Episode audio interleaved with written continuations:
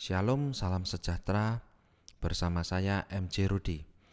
Pada episode kali ini kita akan membahas leadership dari Nehemia pasal yang ke-10.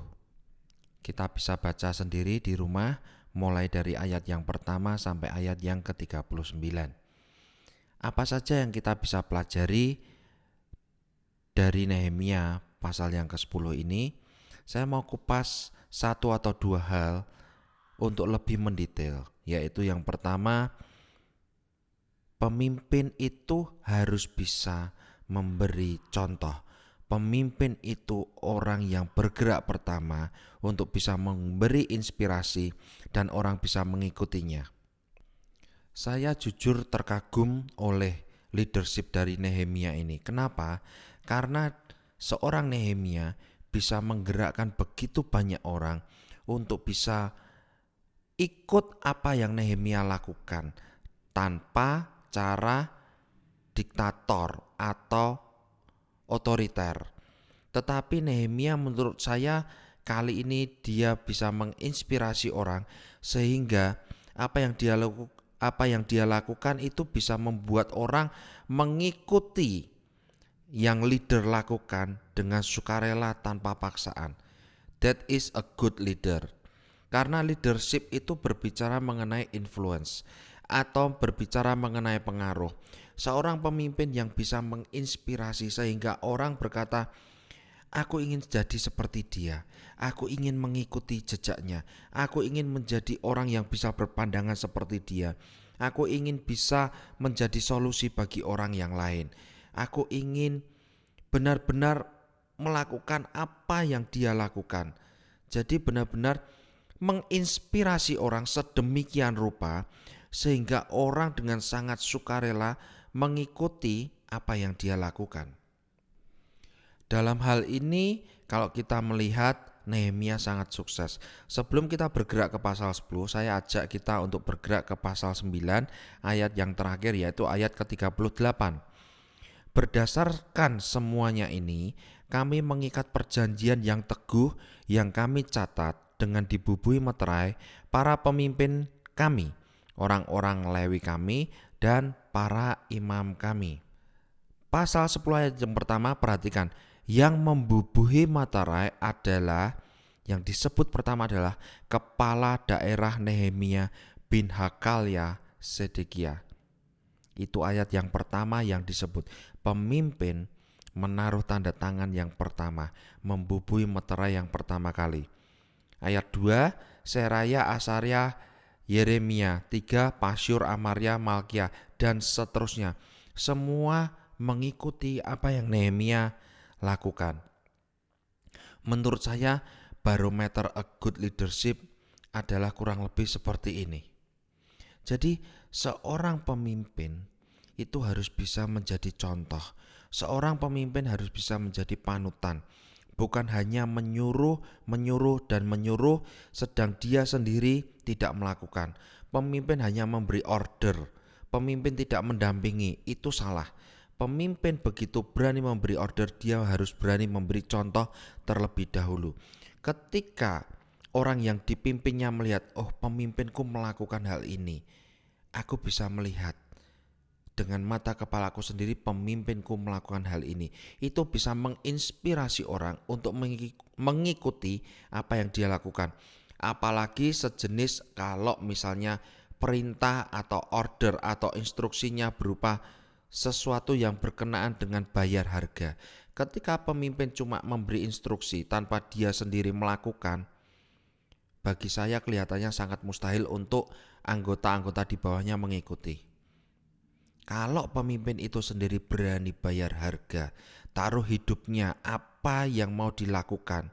Ketika orang melihat pemimpinku saja melakukan, kenapa kami tidak melakukan? Nehemia menjadi contoh dalam hal seperti itu. He is very a good leader.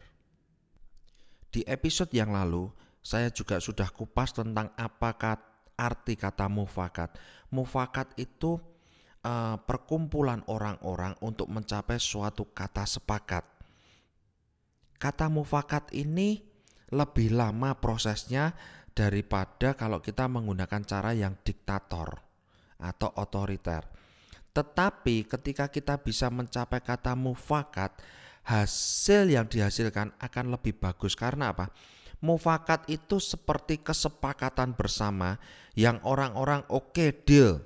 Saya ngikut nih, oke okay, deal. Saya benar-benar percaya saya bisa melakukan dan oke okay, kita sepakat. Secara sukarela mereka masuk ke bagian itu dan mereka berkomitmen shake hand bersama-sama berjabat tangan oke mari kita lakukan kita sepakat ya satu suara nah mufakat itu juga ada beberapa tingkatan yaitu toleransi atau mendukung dan mendukung sepenuhnya atau mendaftarkan orang dengan penuh antusias nah ketika mufakat ini didapat hasil yang didapatkan itu pasti lebih bagus Kenapa? Kita bisa melihat ketika Nehemia bisa mencapai kata mufakat dari orang-orang yang dipimpinnya, kita akan melihat perubahan apa yang akan terjadi oleh bangsa Israel pada zaman itu.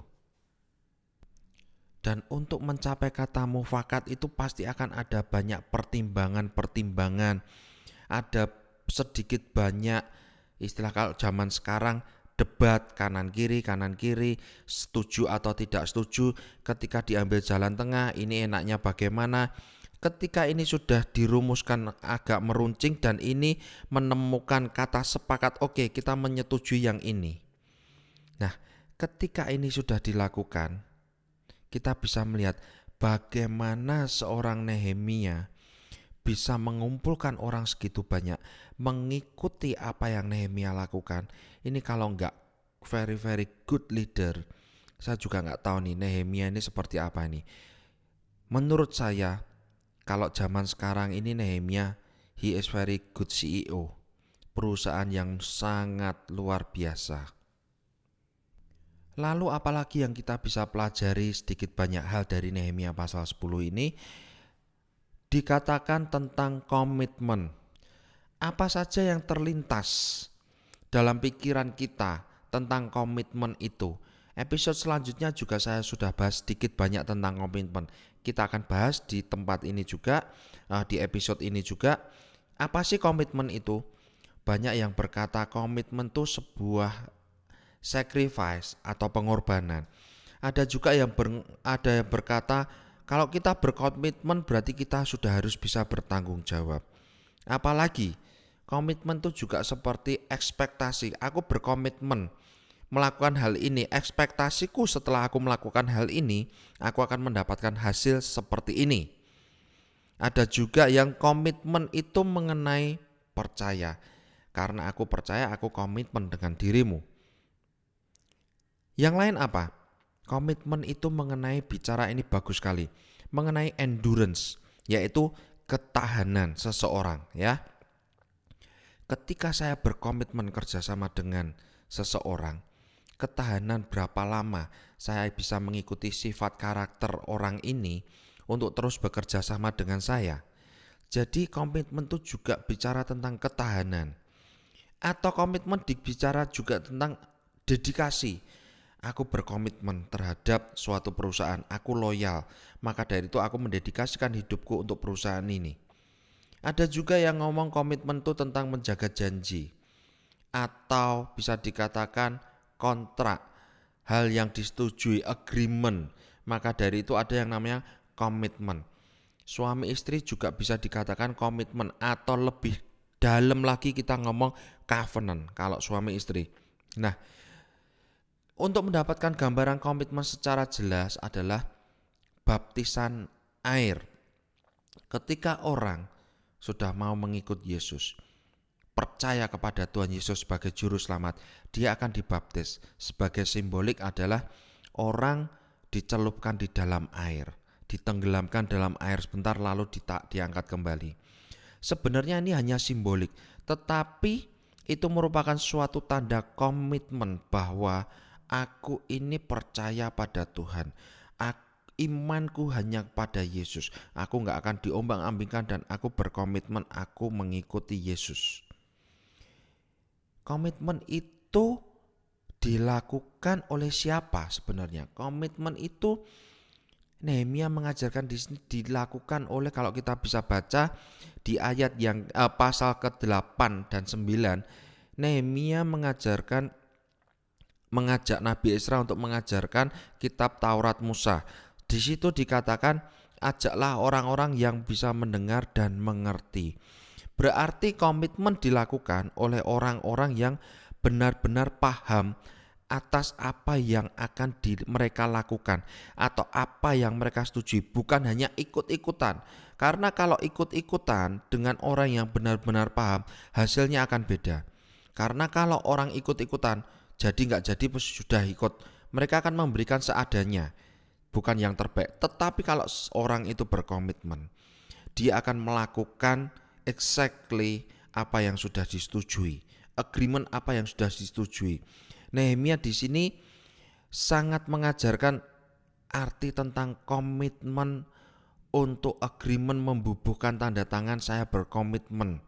Itu Nehemia seakan-akan yuk perintah Tuhan apa aja kita mau usaha untuk melakukan yang terbaik mengikuti semua perintah Tuhan. Do the best for God.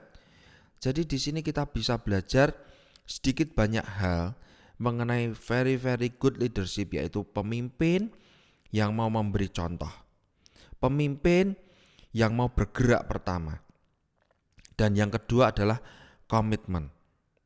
Ketika kita mau membangun budaya baru dalam sebuah organisasi atau sebuah perusahaan, atau bisa dikatakan gereja, yang harus dilakukan apa?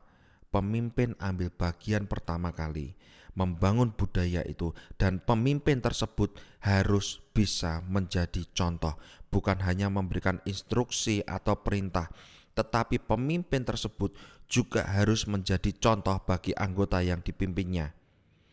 Budaya tercipta dari seorang pemimpin yang ikut melakukan apa yang akan diciptakan. Sekali lagi saya ulang, budaya itu bisa diciptakan dari atas, yaitu pemimpin turun pertama kali untuk memberi contoh bagi anggota yang dipimpinnya. Ketika itu bisa berlangsung, berlangsung dengan berjalannya waktu, budaya itu akan tercipta. Karena apa? Semua anggota yang dipimpinnya melihat pemimpinku saja melakukan, kenapa saya enggak? Nah, para pendengar yang budiman, hari ini saya membahas dua hal lebih detail dari episode yang lalu mengenai pasal 10 yaitu apa?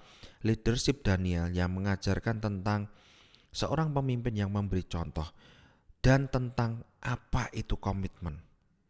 Semoga episode kali ini dan podcast kali ini bisa memperlengkapi kita semua dan menjadi berkat bagi kita semua.